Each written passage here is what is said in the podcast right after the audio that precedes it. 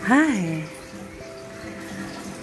Untuk sampai ke titik ini Banyak banget alasan Yang jadi dasar Untuk menjadi lebih baik.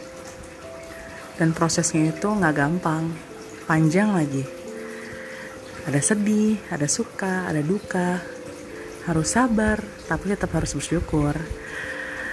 Akhirnya semua alasan itu adalah bagian dari ujian dalam perubahan ini. Hingga akhirnya aku sadar kalau alasan terbaik untuk berubah menjadi lebih baik itu baik